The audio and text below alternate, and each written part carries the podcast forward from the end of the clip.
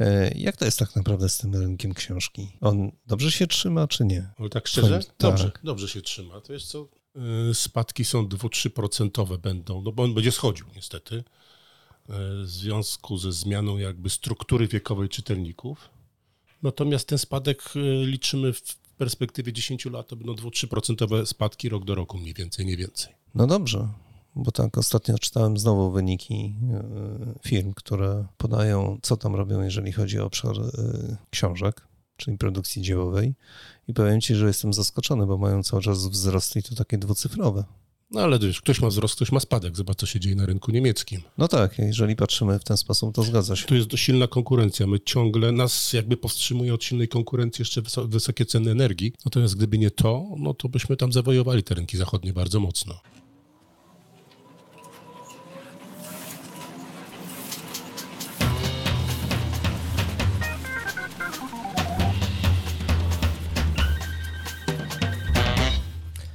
Niezbędnik poligrafa Mirosław Pawliński. Witam wszystkich bardzo serdecznie i witam naszego gościa Jacek Kobyliński, firma Mile Martin. Witam Cię Jacku. Nie, witam, dzień dobry, witam wszystkich słuchaczy i pozdrawiam. Po raz kolejny gościsz na nagranie naszego podcastu Niezbędnik Poligrafa i to jest bardzo, bardzo miłe. Powiem Ci, że zaskoczenie totalne. Duża przyjemność i gratulacje za tyle odcinków, bo to jest który odcinek? Oj, nie chcę podawać który, ale blisko setki. Blisko setki. Blisko tak. setki. To czy będzie 99, czy będzie 101, to zobaczymy za moment, jak zautoryzujemy wszystkie. Wielki wynik, wielki wynik. E, a pamiętasz ten pierwszy? Pamiętam. I co się działo później? O, miałeś, działo się. miałeś jakieś odzewy? Ktoś w ogóle słuchał?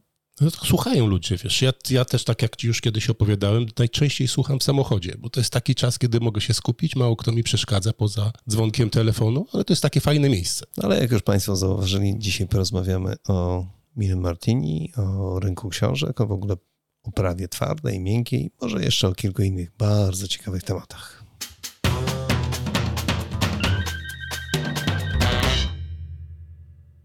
Jacku, już rozmawialiśmy na ten temat, ale rozmawialiśmy dawno, dawno temu w odległej galaktyce, jak to niektórzy mówią. Mille Martini wchłonął część Heidelberga, jeżeli chodzi o introligatornie, no i wchłonął część Kolbusa. Tak się życie potoczyło i tak się toczy rynek. Jest coraz mniej firm na, na świecie, rynek się kurczy.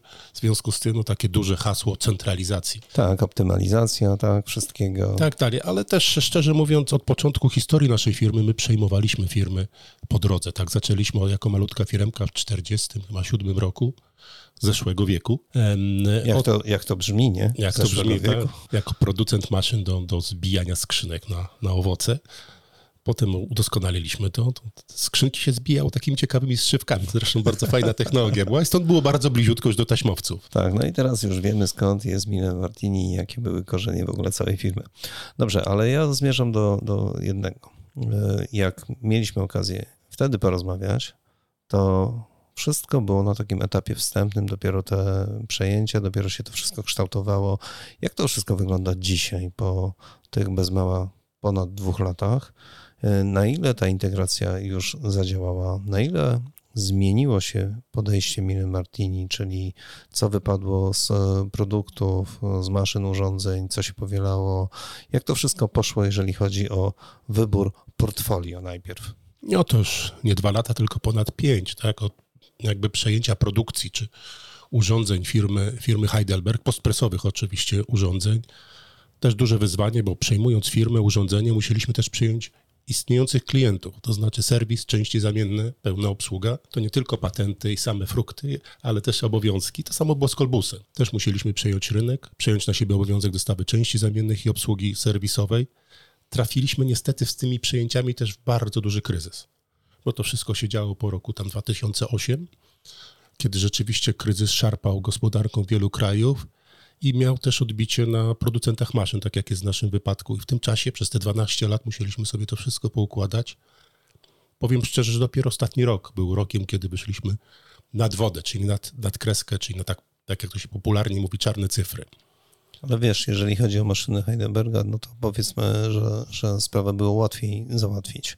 Definitywnie. Natomiast w momencie, No kiedy... tak, bo oni kiedy, przestali, przestaliśmy produkować te maszyny. Tak. Dokładnie, natomiast teraz, kiedy, kiedy pojawiły się Kolbusa maszyny, no to trochę było inaczej, bo tutaj nie tylko same maszyny żeście przejęli, ale także wszystko, R&D, e, ludzi, e, projektowanie, w ogóle tak naprawdę to dwie organizacje musieliście spiąć w jedną. Dwie różne organizacje, dwie różne kultury, dwa różne, dwie różne podstawy jakby programowe, jak, jak to nazywam, bo Miller Martini zawsze się opierał na elektronice, na elektronicznym sterowaniu maszyn, pneumatycznym sterowaniu maszyn, silnikach krokowych, falownikach i tak. Kolbus, solidna, mechaniczna produkcja, solidne, mechaniczne maszyny, wyglądały jak zegarki szwajcarskie w środku. I to trzeba było pożenić. Na początku wyglądało to, że to będzie proste. Potem się okazało jednak, że będzie bardzo trudne i zajęło nam parę lat. Dopiero teraz chyba ogłosiliśmy ostateczny program maszyn, część z Kolbusa, część z Miller Martini, który mamy na rynku, żeby uniknąć też kan- kanibalizacji po drodze, tak? Bo to, nie wiem, no w przypadku oprawy prostej to było, nie wiem, KM600, 610 i Allegro. Tutaj na rynku została firma Allegro. Jeżeli chodzi o oprawę mm, złożoną, no to mieliśmy diamanta 35-taktowego i BF-ki ze strony Kolbusa. Tu została BF-ka, teraz jest nowy model BF Pro. Szybsze maszyny do oprawy złożonej. Był też Kolbus BF 530 i Diamant 60, to został Diamant 60, więc staraliśmy się wyszukiwać najlepszych rozwiązań i takich rozwiązań, które dają w przyszłości możliwość rozwoju. I teraz to już można mm, jednoznacznie powiedzieć, że zostało wszystko poukładane, portfolio jakby zostało zamknięte i budujemy nowe maszyny. Niebawem zaprezentujemy nową maszynę do oprawy prostej. To jest pierwsza maszyna, która powstała po połączeniu Miller, Martini i Kolbus. I ta maszyna składa się z elementów, które wywodzą się część na przykład z Allegro i część z KM610. Drodzy Państwo, uwaga, 200. uwaga. Chciałbym, żebyście dobrze to usłyszeli. To jest pierwsza maszyna tak naprawdę połączonych rozwiązań Mini Martini i Kolbusa. Tak jest, to i po To- tylu latach, tak, to Po trwało tylu naprawdę latach bardzo to, długo. to nie jest to łatwe i proste, bo maszyny w introligatorni są właściwie najbardziej skomplikowanymi maszynami, jeżeli chodzi o poligrafię. No ja wiem, czy najbardziej skomplikowanymi, no bardzo skomplikowanymi, natomiast no, no, nie znam też innych maszyn, tak, znam tylko swoje. Z, z mojego podwórka najbardziej skomplikowana jest niciarka. Ta budowa, ta maszyna ma chyba najwięcej części w sobie w porównaniu z, z taśmowcami, z maszynami do prawy prostej czy złożonej. Ale to też była zmiana w ogóle w całej organizacji, żeby jednak przenieść firmę na zupełnie inny poziom, bo z tego, co rozmawialiśmy przed spotkaniem, e, Szwajcaria obsługuje tutaj tą część Europy, w ogóle Europę. E, Tam jest Daleki Wschód i Ameryka. I każdy z tych magazynów musi zaopatrywać swoich klientów. Tak, to fakt. Y, Wcześniej mieliśmy też te magazyny, takie submagazyny, też każda spółka z lokalnych, ja pamiętam, Polska miała ten swój magazyn wewnętrzny. Natomiast chodzi o to, żeby, żeby dobrze obsługiwać klientów i żeby byli zadowoleni, prawda? Więc musieliśmy podejść do tego systemowo. Powstały trzy centralne magazyny. Jeden w Stanach Zjednoczonych, obsługujący Amerykę Północną, Południową, w Szwajcarii, gdzie no, jesteśmy na terenie, w którym nie obowiązują unie celne, w związku z tym no, musimy slić, ale to mamy porozumienia wewnętrzne i te, te części na magazynie są już odslone. I w Japonii, który ma, ten magazyn obsługuje Azję i, i Oceanię. W związku z tym jesteśmy w stanie no, zapanować nad tymi strefami czasowymi. Szybko dostarczać części. Staramy się, aby ponad 90% części było dostarczane następnego dnia. Na terenie Polski to jest jakieś 92-95% części jesteśmy w stanie dostarczyć w ciągu 24 godzin. Super wynik. No super, ale to też za tym stoi cała logistyka, czyli musieliśmy sprawdzić strukturę wiekową części, rotację części, jak często części rotują, bo my części musimy zamawiać bardzo często na rak z góry. Części elektroniczne zamawiamy z 12-miesięcznym wypo- wyprzedzeniem. W związku z tym no, musimy też przewidywać, jak wygląda rynek, żeby czegoś nie zabrakło na koniec. Mhm. Części zamienne częściami zamiennymi, drogi Jacku, ale pozostaje serwis. No, i serwis chyba istotna część naszego działania. Ja myślę, że teraz wszyscy pytają o serwis, Oczywiście. No, kupując maszynę. I to jeszcze tak złożone jak Mille Martini. Daj spokój. Nie ma co opowiadać. Slogan reklamowy mówi, że pierwszą maszynę sprzedaje sprzedawca, a następny dobry serwis. Dokładnie, ale też wiem, że dużo się zmieniło pod tym względem, jeżeli chodzi o serwis, bo miałem okazję być w centrali i obejrzałem sobie kilka rzeczy bardzo fajnych, nowe urządzenia, nowe centrum demo, także nowy magazyn, więc ja, drodzy Państwo, potwierdzam wszystko to, co mówił Jacek. Natomiast jeżeli chodzi o serwis, to, to wiem, że tutaj też się zmieniło bardzo, bardzo dużo. Czy mógłbyś trochę popowiadać o tym? To, to samo jak z magazynem części zamiennych. Trzeba było to wszystko zrestrukturyzować. Teraz serwis jest jakby zarządzany, może bym powiedział za duże słowo, centralnie, albo centralnie ustawiany. To znaczy mamy kilka produktów serwisowych, wśród których są takie produkty jak instalacja, szkolenia czy naprawy, ale też programy serwisowe i to jest jakby największy nacisk kładziemy na to, bo chodzi tutaj o to, żeby wyprzedzać pewne zdarzenia na maszynach, czyli podczas przeglądu kilkugodzinnego maszyny przeglądamy kilkaset punktów. To też zostało zrestrukturyzowane. Operator,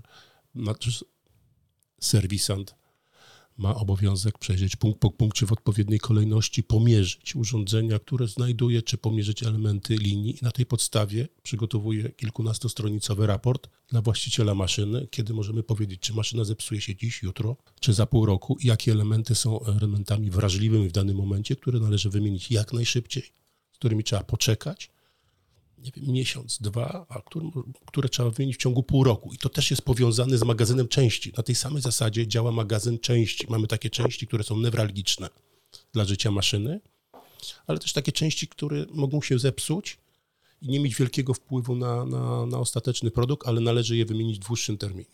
Jak rozmawialiśmy wcześniej, mówiłeś o tym, że, że wszystkie te maszyny, które są na rynku z, pod marką w tej chwili Colbus, właściwie Miller Martini. To jest Miller Martini, tak, jedna tak, marka teraz. E, jako ale są marka. oczywiście maszyny sprzedane wcześniej, tak. E, macie je opisane.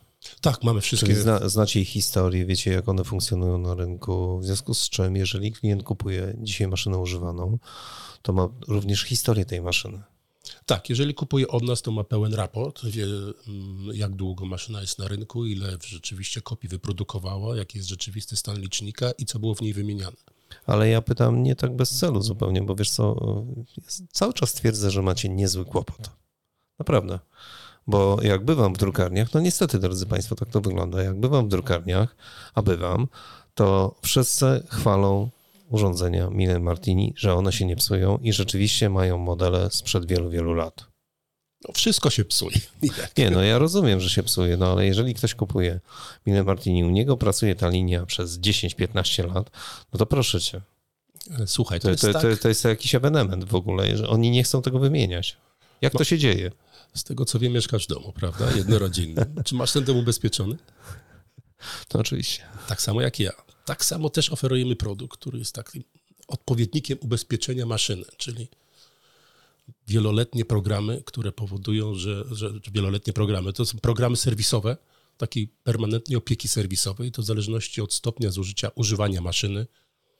Wizytujemy maszynę raz w roku, raz na pół roku, raz na kwartał, po to, żeby ją przejrzeć i żeby klientowi powiedzieć, jakie jest duże prawdopodobieństwo, że ta maszyna stanie bo to wiesz, zapowiedzi. Bo to wiesz, w drukarniach to jest tak, że wszyscy kupowali maszyny drukujące przede wszystkim, a później inteligatornie. No ale jak już się zdecydowali na kupienie Mille Martini, no to się okazuje, że ta maszyna stoi. Oni tam wymieniają te maszyny drukujące za jakiś czas, a te na inteligatorni cały czas stoją i pracują po prostu. A nie, nie, nie. Wiesz co, tu też się zmienia. Ha, ha, ha. Robimy wszystko, żeby się zmieniało. Tak, dlatego, tak, tak, tak. No jasne, oczywiście. Są mam, maszyny... mam ci podać nazwy drukarni, w których te, te urządzenia wasze stoją no, i proszę bardzo, no, to, to jest kwestia, kwestia profilu drukarni. Oczywiście tak jak zmieniają się maszyny drukujące. To jest bardzo duży imperatyw rynkowy, dlatego że wymieniają maszyny drukujące po to, żeby konkurować z cyfrą. Czyli żeby były jeszcze krótsze przyrządy, jeszcze mniej straconych egzemplarzy na tak zwany rozruch i żeby to wszystko, e, żeby to wszystko dobrze działało.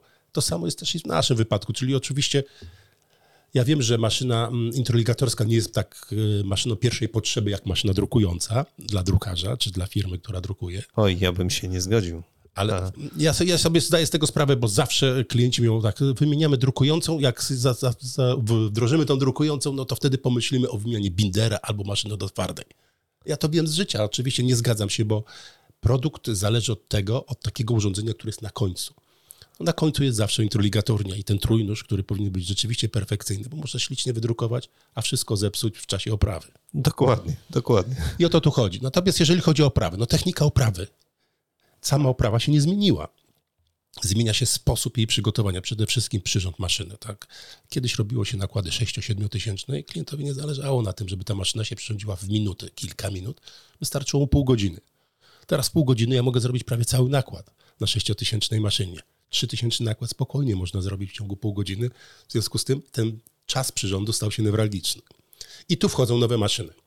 Mimo, że stara się nie psuje, jest całkiem w porządku, to jeżeli się chce konkurować na rynku, uciekać do przodu, dziwne słowo, ale rzeczywiście, no, jeżeli chce się wyprzedzić konkurencję, to właśnie trzeba, to właśnie trzeba działać z dużym wyprzedzeniem.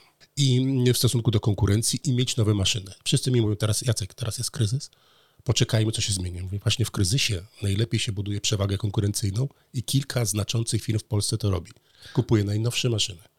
Ale poczekaj, to, to jak ty teraz e, wizytujesz drukarnię, która posiada Mile Martini, powiedzmy sprzed dekady, to zmuszasz ich do takiego ostrego kalkulowania, czyli przeliczenia tak naprawdę, co mogą zyskać przy zakupie nowej maszyny? Zachęcam, y, zachęcam do doliczenia tego i powiem Ci szczerze, miałem taki bardzo fajny sukces, kiedy klient nie chciał zmieniać maszyny, bo pracowała dobrze. Miała ponad 10 lat, 12. Policzyliśmy wspólnie, zgrubnie. W ten sposób przekonałem klienta do inwestycji. Po roku policzyliśmy to jeszcze raz i się okazało, że ta maszyna generuje dodatkowe zyski, i tym dodatkowym zyskiem spłaca leasing.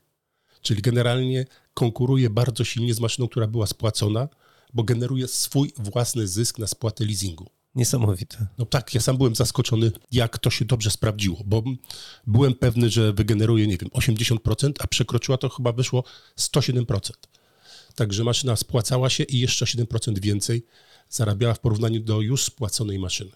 No dobrze, ale poruszyliśmy temat e, zmian. No tak, ale uciekliśmy troszeczkę od serwisu. No, serwis jest też istotny. Serwis jest istotny, zwłaszcza jeżeli chodzi o starsze maszyny, dlatego że istotne jest, żeby maszyna była ciągle dobrze skalibrowana, miała swoje urządzenia sprawne, wszystkie, ale też staramy się update'ować y, pewne urządzenie. Jeżeli się pojawiła, pojawia nowa technologia, która jest dostępna, staramy się też, żeby była nie tylko dostępna w nowej maszynie, ale można by było ją zastosować też w starszych modelach. To takim na, najlepszym tego przykładem jest na przykład technologia PUR. Kiedyś był PUR wannowy, teraz jest bardzo popularny PUR dyszowy. No tak, który jest oczywiście prawda. zdrowszy bardziej dla, dla środowiska, oszczędniejszy, lepiej napyla się na okładkę niż, niż z wanny nakłada e, wałkiem i możemy to upgrade'ować nawet do 15-letnich maszyn. Nawet. Tak, oczywiście to nie każdy klient się zdecyduje, natomiast to, to, to tylko użyłem jako przykład, ale jest wiele innych elementów, które możemy zupgrade'ować. Nie wiem, czy sterowanie maszyny. Y, jesteśmy w stanie do starszych maszyn zastosować najnowsze rozwiązanie sterujące maszyną. Wielu klientów się na to decyduje. To jest taka, jeżeli kogoś nie stać na nową maszynę, stara się dbać jak najlepiej na, o tą maszynę, którą ma i tutaj staramy się wychodzić naprzeciw właśnie poprzez te przeglądy i doradztwo dla klienta, szeroko pojęte. To Czyli to nie jest, poczekaj, wejdę ci tak. słowo jeszcze. Czyli to nie jest tak, zepsułem się, przyjeżdżaj jak najszybciej, reperuj, ruszaj, jedź do domu. Nie, nie. Teraz staramy się przyjechać, przejrzeć maszynę w dogodnym terminie dla klienta, uprzedzić go, jak się ma przygotować do wysokiego sezonu i pomóc mu przygotować się do niego. Czy to jest poprzez naprawę maszyny, poprzez upgrade jakichś urządzeń, czy szkolenie pracowników, bo taki audyt też robimy.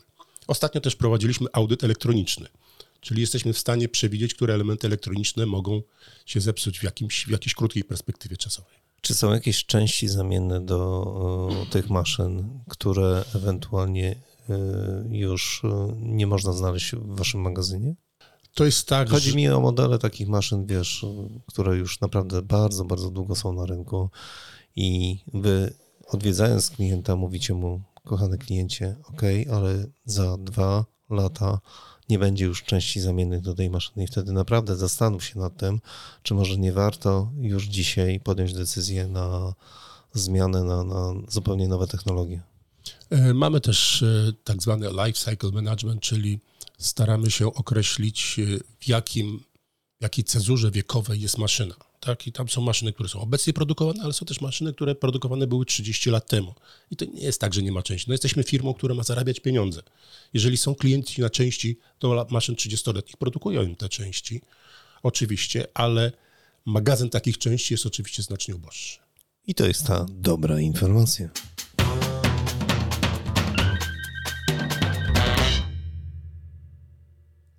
Jacek Kobeliński jest naszym gościem, drodzy Państwo, czyli Milan Martini firma. Drogi Jacku, jest taki temat, który jest bardzo, bardzo interesujący i wiesz dobrze, że w przyszłym roku targi Drupa w Düsseldorfie, których nie było przez ostatnie lata, bo była pandemia, były odwołane, ale wracam do tego tematu z jednego powodu, ponieważ wy zawsze byliście o krok przed innymi czyli prezentowaliście na tego typu wystawach rozwiązania nowe, najnowsze. Niektórzy to nazywają Finishing 4.0, niektórzy mówią Industry 4.0. E, czy tutaj coś się zmieniło? Czy będzie coś ciekawego prezentowanego od Was? Czy będziecie czekali w ogóle do drupy na jakieś premiery, czy robicie to po prostu tu i teraz? Drupa zawsze była taką cezurą czasową. E, w tym czasie wszyscy pokazywali najnowsze rozwiązania, czekali, żeby je zaprezentować. Tutaj podążamy troszeczkę szybciej. Czas się zmienia, nic nowego nie będzie na drupie. Wszystko, co najnowsze, pokazaliśmy. Dwa lata temu pokazaliśmy dwa najnowsze taśmowce. Obecnie pokazujemy mm, urządzenia, dwie premiery, urządzenia do obróbki wstęgi po druku cyfrowym i najnowszy mały binder do oprawy po druku cyfrowym, ale też po druku offsetowym, plus maszyna hybrydowa, czyli obróbka po cyfrze i po offsecie. Także jeszcze raz, nie sądzę, żeby było coś nowego. Może jakieś urządzenia małe towarzyszące, natomiast nie nowe linie. Rozumiem. Natomiast chciałem e, pociągnąć Ciebie w zupełnie jeszcze inny obszar, czyli no, pers personalizacji tych, tych, tych wydruków, czyli opraw e, dedykowanych pod względem na przykład wielkości. E, widziałem rozwiązanie u Was i chciałbym, żebyś trochę o tym opowiedział, gdzie każda wychodząca z maszyny książka jest w innym formacie. Tak, to jest to hasło Finishing 4.0, o którym wcześniej wspomniałeś. Dla naszych urządzeń każda książka może być inna. Każda, każda maszyna y, jest przygotowana do obróbki w różnych objętościach książki, w różnych formatach. Kwestia tylko, jak szybko się przezbraje. Niektóre maszyny szybciej, niektóre wolniej. Chodzi o to, że inne maszyny są przewidziane do produkcji tak zwanych book on demand, czyli każda książka inna, albo short run solution, czyli krótkie serie, albo tradycyjna książka w takich seriach, które są liczone powyżej tysiąca. Natomiast y, wiele z tych maszyn przenika się nawzajem, jak ja to mówię, czyli może obrabiać książki wydrukowane metodą offsetową i cyfrową. Dopiero specjalne maszyny są tworzone do, do produkcji bardzo krótkich nakładów, to są dedykowane maszyny, natomiast mówię, no wszystko jest sterowane kodami, maszyny przyrządzają się. To można byłoby powiedzieć w 90% same. Operator jest potrzebny, nie wiem, żeby wymienić okładkę albo przekręcić jakieś kółko, tylko jedno, o którym wie. Wszystko rozumiem. To kto jest tym najlepszym klientem, jeżeli chodzi o tego typu oprawy, tak żeby przybliżyć naszym znaczy, słuchaczom? Znaczy, globalnie największym klientem jest y, Amazon. Tak? No to wszyscy wiedzą, że produkuje książki na życzenie. Każda książka jest inna w wielu milionach egzemplarzy rocznie. To jest globalnie nas największy na, mm, klient. Natomiast jeżeli chodzi o rynek lokalny, Nasze urządzenia stoją we wszystkich czołowych drukarniach cyfrowych. No nie mogę tutaj wymieniać, jakie linie u kogo stoją, bo nie zawsze klienci sobie życzą tego. Natomiast y, wszędzie są, są nasze urządzenia na pewno do oprawy złożonej i w wielu przypadkach do oprawy prostej.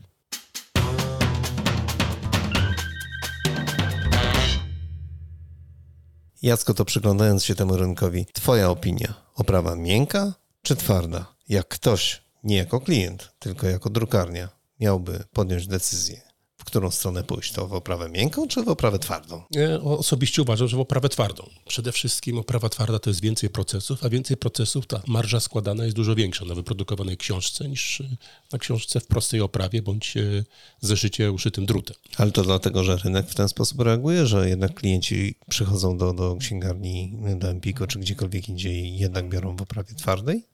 Zależy, kto jakim klientem jest. Ja jest na przykład zbieram książki, kocham książki. Mam wiele książek, które kupuję, a których nie czytam, ale myślę, że do nich e, wrócę. Natomiast na półce wolałbym mieć książki w twardej oprawie niż w miękkiej. Są też klienci, którzy lubią czytać książkę wiem, w metrze, w autobusie, tak zwane pocketbooki i potem ją zostawiają. Są takie miejsca nieraz e, w mieście, gdzie można sobie zostawić przeczytaną książkę. Ja przeczytane książki oddaję znajomym bądź oddaję do bibliotek. Poza tymi, które oczywiście chciałbym mieć u siebie na zawsze. Wiesz, ale ja pytam nie bez kozery, dlatego że jest coś takiego jak e, oprawa miękka, która posiada taką zakładkę, wiesz, do środka jeszcze. Tak zwane skrzydełka. Tak. tak, tak, tak, tak, tak, tak, tak. I coraz więcej właśnie takich książek się pojawia. I one wyglądają w sumie jak trochę oprawa twarda, natomiast są rzeczywiście oprawą miękką. Nie wiem, czy to, to jest, To jest kreatywne podejście drukarzy i wydawców do tematu ceny książki. Dlatego książ książka w oprawie twardej jest oczywiście bardzo droga, dużo droższa niż w oprawie prostej. I oni próbują imitować coś na kształt oprawy y, złożonej, robiąc oprawę prostą. I te skrzydełka są takim rozwiązaniem. Kiedyś jeszcze były tak zwane termonici, które pozwalały zamarkować jeszcze nitkę w środku, ale to już jeżeli chodzi o prawę twardą, bez szycia nićmi. Natomiast tak, skrzydełka są bardzo popularne, coraz więcej osób chce kupić linię, która ma możliwość przegniatania skrzydełek w procesie produkcyjnym, zawieszania w okładkę miękką. Zauważyłeś, że obwoluty zniknęły? Wiesz co, są cały czas, y, no bo to już jest najwyższy chyba stopień uszlachetnienia książki. Natomiast Ale niewiele. Ta, tak, tak, bo ta woluta też była kiedyś zakładką po części. Poza tym e, łatwiej się moim zdaniem zadrukowywało obwolutę niż przygotowywało okładkę w oprawie prostej czy złożonej. No do, obwoluta do, do oprawy złożonej. Natomiast teraz te, te okładziny do okładek w oprawie złożonej są naprawdę piękne. Ja już tu sto razy mówię, książka twarda jest sexy kolorowa, tłoczona. To prawda, to prawda. Z foliami, jest, ze wszystkim, tak, także można zupełnie co innego, tak. zupełnie co innego. Wrażenia dotykowe są niezapomniane. Ale wiesz co, chciałem przejść do bardzo trudnego tematu i nie odpuszczę. E, Mile Martini, wszystko fajnie. Kto na miejscu drugim? Gdzie, gdzie jest wasza konkurencja tak naprawdę? Czy e, pandemia nie pokazała czegoś takiego, że jednak e, konkurencja z rynku Dalekiego Wschodu może być silna? No, naszym największym konkurentem są używane maszyny Miller, Martini i Kolbus. E, dlatego, że jednak e, klienci nasi no, znają obydwie marki wiedzą, że są solidne i długowieczne. Pojawiają się pierwsze jaskółki z rynku chińskiego. Są to głównie kopie, w większości, w większości kopie maszyn e, Kolbusa ze względu na to, że są to maszyny mechaniczne, czyli jeden tu napęd, wał, skrzynie biegów i tak dalej różne cuda przekładnie może mhm. bardziej niż skrzynie biegów. Mm, I to było łatwiej podrobić niż sterowanie elektroniczne, elektryczne, pneumatyczne, silniki krokowe. Natomiast no, są to ciągle maszyny konstrukcyjnie sprzed 15-20 lat, czyli no, nie takie maszyny, na które powinni patrzeć duży gracze. Tak? To nie są szybkie przyrządy, wolne przyrządy. To jest jedno. Dwa, ja osobiście bałbym się postawić na maszynę chińską, nie dlatego, że, że ona chińska, ale Chiny są, ciągle, Chiny są ciągle dziwnym krajem. Tak? Epidemia pokazała, co się działo w Chinach w czasie ostatniej pandemii. No i te zakłócone dostawy to rzeczywiście... Zakłócone ten, dostawy, no to były spekulacje, tak, no zakłócone dostawy, kontenery po 20 tysięcy dolarów, także to, to niebotyczne jakieś kwoty. Natomiast popatrz y, na sytuację geopolityczną, co się dzieje obecnie, tak. Coś się dzieje w Chinach, nie wiemy, co się dzieje w Chinach. Mówi się też, że Chiny się zamkną. E, na Europę, na resztę części świata i będą takim rynkiem e, wewnętrznym. Dla mnie jest to rynek nieprzewidywalny. Poza tym, mimo wielu prób sprzedaży chińskich e, wyrobów na, na, na rynku, no załóżmy polskim, tak już nie mówię szeroko europejskim, nie ma graczy, którzy są bezpośrednimi producentami. Ciągle to są jacyś dealerzy, którzy oferują nie mam zaufania do dealerów, jeżeli chodzi o nowe maszyny, dlatego że nie gwarantują jakby ciągłości dostaw i części zamiennych, i serwisu. Dziś jest jeden dealer, który może być drugi, potem trzeci. Nie będzie brał nawet na siebie zobowiązań gwarancyjnych. I teraz no wyobrażasz sobie kupić maszynę do zawieszania, która kosztuje cię, nie wiem, milion dolarów i za chwilę ktoś ci powie, że nie dostarcza części, bo nie jest zainteresowany tym rynkiem. To jest dla mnie taki punkt, na który trzeba sobie odpowiedzieć. I z drugiej strony, dlaczego nie Miller, Martin i Kolbus? Większość klientów mówi, bo podnieśliśmy ceny. Tak. Wiesz, niektórzy mówią, że już staliście się takim monopolistą w tym rynku, że ho, ho. Dowcipnie odpowiadam, że nie jesteśmy monopolistą, bo nie produkujemy alkoholów. Tak.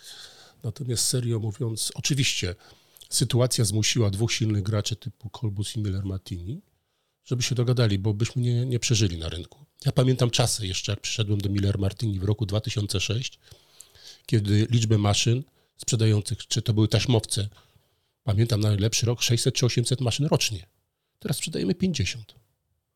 To samo miękka oprawa. No, Kolbus sprzedawał kiedyś 100, 150 maszyn do miękkiej oprawy, my drugie 150, 300 maszyn rocznie. Teraz 30 do, do 50. No, ale może to jest tak, jak powiedziałeś wcześniej, że hmm, sami sobie robicie konkurencję. No znaczy, bo skoro te maszyny są rzeczywiście takie dobre, to później sprzedaż tych nowych zupełnie inaczej wygląda. Nie, no bo to, to sprzedaż nowej maszyny to jest kwestia postępu. Tak samo samochodem też się nie jeździ 20 lat, tylko się jeździ, załóżmy, kiedyś się jeździło 5, teraz się jeździ 10. Tak samo jest z maszynami. Tak? No, zawsze są nowsze, maszyny i, i żeby konkurować dobrze na rynku, no trzeba mieć taką maszynę, która generuje małe straty związane z przyrządem, czy małe straty związane z makulaturą. Trochę powiedzieliśmy o technologii, trochę powiedzieliśmy o prawach miękkich, twardych. To wszystko jest ok, ale ja wiem, że bardzo rzadko mówisz o tym, że Mille Martini to także oprogramowanie, które ułatwia w ogóle tą całą produkcję. No Tak. widzisz. Tak, właśnie. O, widzisz, bardzo fajnie, że mnie sprowokowałeś. Rzeczywiście, no, dotykaliśmy tematu Finishing 4.0. 4.0 Finishing by nie istniał bez oprogramowania, który steruje całym procesem. Chodzi tu o inteligencję maszyn. No, mamy programy, które zaczynają od impozycji, przygotowują impozycje pod maszynę drukującą, których my nie produkujemy. Ale możecie podłączyć. E, Możemy podłączyć i powiem Ci szczerze, jeżeli mamy takie linie wspólne z dużymi graczami, i to są wszystkie marki wiodące na, na, na rynku, jeżeli chodzi o producentów drukarek cyfrowych, mówię to o rolkach, zgadzają się, żeby nasz software sterował ich maszyną. Dlaczego to robimy? Po to, żeby właśnie przygotować im pozycję pod tą maszynę, to jest A, B, kontrolować proces druku i proces finishingu. Wtedy to jest bardzo płynne i kontrolujemy każdy egzemplarz. Jeżeli nawet jakiś egzemplarz źle się wydrukuje, ze względu na jakie- jakieś problemy z podawaniem tuszu, czy inne rzeczy, problemy mechaniczne, my wiemy, że tego egzemplarza w nakładzie brakuje i operator, czy osoba, która jest odpowiedzialna bardziej za zarządzanie taką maszyną, wie, że, że ten egzemplarz można dodrukować. Jeżeli to jest rozwiązanie inline, maszyna sama sobie zamawia ten produkt. To już to taka, no to nie jest sztuczna inteligencja, ale taka quasi sztuczna inteligencja, która kontroluje jakość, szybkość produkcji. Bardzo trudno jest e, wdrożyć tego typu rozwiązanie w drukarni? E, Wiesz co, nie, bo dlatego, że, że my staramy się pomóc, e, zmienić mentalność myślenia, dlatego że, że, że tutaj trzeba, trzeba dużej odwagi i chęcia, chęci zrobienia czegoś nowego. A reszta to już robi oprogramowanie i maszyny. Nie chciałeś wymienić za bardzo drukarni w Polsce nowych, jeżeli chodzi o instalacje. Gdybyś... e, Nie, no mamy kilka ciekawych instalacji, tak? No. E, Jest e, znany producent fotoalbumów w Rzeszowie, gdzie mamy swoje linie i do prawy prostej, i do prawy, znaczy po prostej bardziej przygotowania bloku do zawieszania i, i pierwszą w Polsce w pełni automatyczną linię do zawieszania w oprawie twardej, zupełnie bezobsługową. Jak to możliwe? No, maszyna odczytuje kody i sama przyrządza się y, do, do formatu danej książki. Drugą taką linię, a to nie prze- przesadziłem z tą jedyną, bo drugą też taką mamy w Amazon.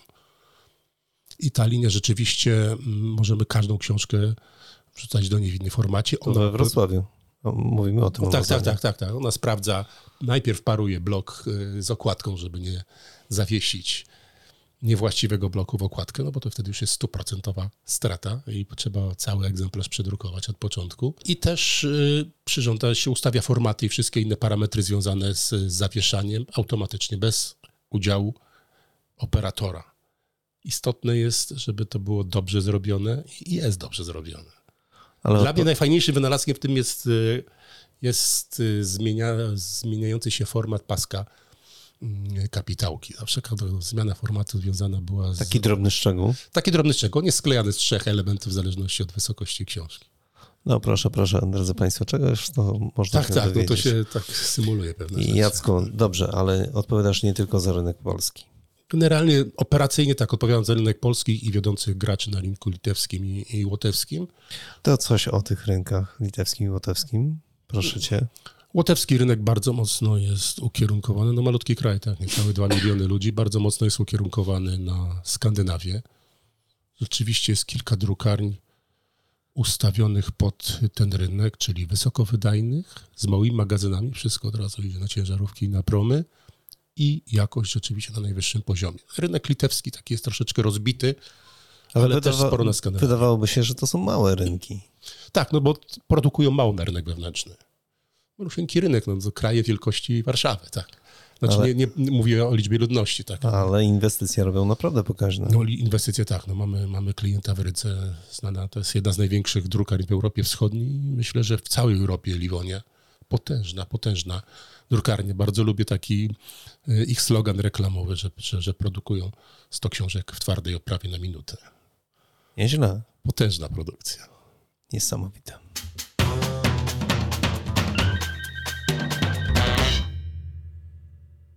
Ale czas wolny spędzasz na dwóch kółkach. Tak, na dwóch kółkach z takim ryczącym silnikiem. masz rację. Jeżdżę na Harley'u, na, na motocyklu Harley Davidson. Bardzo lubię e, ten motocykl, ze względu, że to jest no, chyba największe wyzwanie w motocyklach turystycznych, najtrudniej prowadzony, prowadzący się motocykl. Lubię takie rzeczy. To gdzie najdalej? Jest co, jeżdżę po Europie. Mam kolegów, którzy jeżdżą tymi motocyklami po całym świecie, wysyłają je albo wypożyczają w innych krajach. Ja natomiast no, nie mogę sobie pozwolić na długie e, urlopy. Mm, jeżdżę po, po, po całej Europie, tak. Zauważyłeś, że w poligrafii bardzo dużo osób posiada takie niesamowite pasje? Tak, bo, ale to, to no że w każdej branży, my znamy tą branżę, a w każdej branży są ludzie, którzy szukają jakiejś e, pasji. Mm, szukamy, każdy człowiek powinien mieć jakąś odskocznię, czy to jest grzebanie w ogródku, e, czy wspinanie się na jakieś ośmiotysięczniki, czy, czy jeżdżenie na motocyklu. Tak? Jacko, ale to nie jest tak, że uciekam od tematu Mini Martini, bo to pytanie muszę zadać. Naprawdę. Powiedz mi, jakie jest w tej chwili wyzwanie dla Mini Martini, takie najbardziej istotne, najważniejsze na najbliższe lata?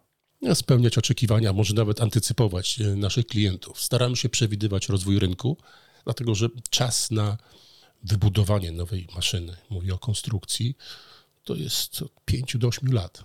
My musimy pomyśleć, co będzie za 8 lat i starać się już być gotowym do tego rozwiązania. Za dużo wpadek mieliśmy w przyszłości, zarówno my, jak i Kolbus, żeby w, przy tak małym rynku na nowe urządzenia pozwolić sobie na nietrafione prace badawczo-rozwojowe, bo to jest rzeczywiście, i to jest największe wyzwanie. Tu oczywiście cyfryzacja jest dużym wyzwaniem. I to nie tylko dlatego, że, że nakłady są coraz mniejsze, mm, dlatego że my przygotowujemy cały czas maszyny do obróbki po druku cyfrowym i offsetowym, ale staramy się, żeby te maszyny były i do tego, i do tego. Niektórzy mówią do wszystkiego, czyli do, do niczego, natomiast y, nie, nie. Rozróżniamy to bardzo dokładnie i staramy się tak, żeby te maszyny były gotowe robić i bardzo krótkie nakłady, i 100 tysięczniki na przykład. Ale wiesz, że zwróciłem uwagę na jedną fajną rzecz. W centrali zauważyłem, że macie miejsce, w którym szkolicie przyszłych e, swoich specjalistów, ekspertów. Szkolicie po prostu. Tak, i z tego, jestem, z tego jestem bardzo dumny. Mamy chłopców po szkole podstawowej, którzy zaczynają jakby takie szkolnictwo zawodowe. To taki odpowiednik naszych quasi zawodówek, czy zawodówek i techników. I ci chłopcy spędzają kilka dni u nas, ucząc się mm, pewnych rzeczy. Oni nie składają naszych maszyn, oni się uczą automatyki, elektroniki, mechaniki. Ale wiesz co, to robi niesamowite wrażenie. Jak tam mogłem przejść po tym e, małym pięterku, to, to tam jest pełne wyposażenie, tam wszystko jest. Właściwie niczego nie brakuje, żeby oni mogli poznawać waszą firmę. Tak, to jest nasza przyszłość, dlatego że spośród tych ludzi wyłuskujemy najlepszych, którzy zostają u nas. Oni zostają też do, do tego, żeby budować maszyny na hali, ale bardzo wielu z nich idzie dalej na studia i są produkt managerami czy osobami, które produkują nasze maszyny. Jest to istotne, dlatego że oni przesiąkają od 14 roku życia i kulturą Miller Martini i urządzeniami, które produkujemy. No, taki facet później, po jakimś czasie, są też dziewczyny, nie wiem, czy zauważyłeś, mhm. E, po jakimś czasie mm, on, to jest dla niego automat, tak? On wie, czego wymaga e, od niego jego szef, jakie są nasze maszyny, jakie mają być maszyny i w którą stronę idzie firma. I tym ludziom nie trzeba tłumaczyć wszystkiego od początku, oni to już mają we krwi. Drodzy Państwo, naszym gościem Jacek Kobyliński, Mili Martini. Jacku, bardzo Ci dziękuję za dzisiejszą rozmowę. Dziękuję Ci, Mirku, za rozmowę. Wszystkim życzę odwagi i powodzenia.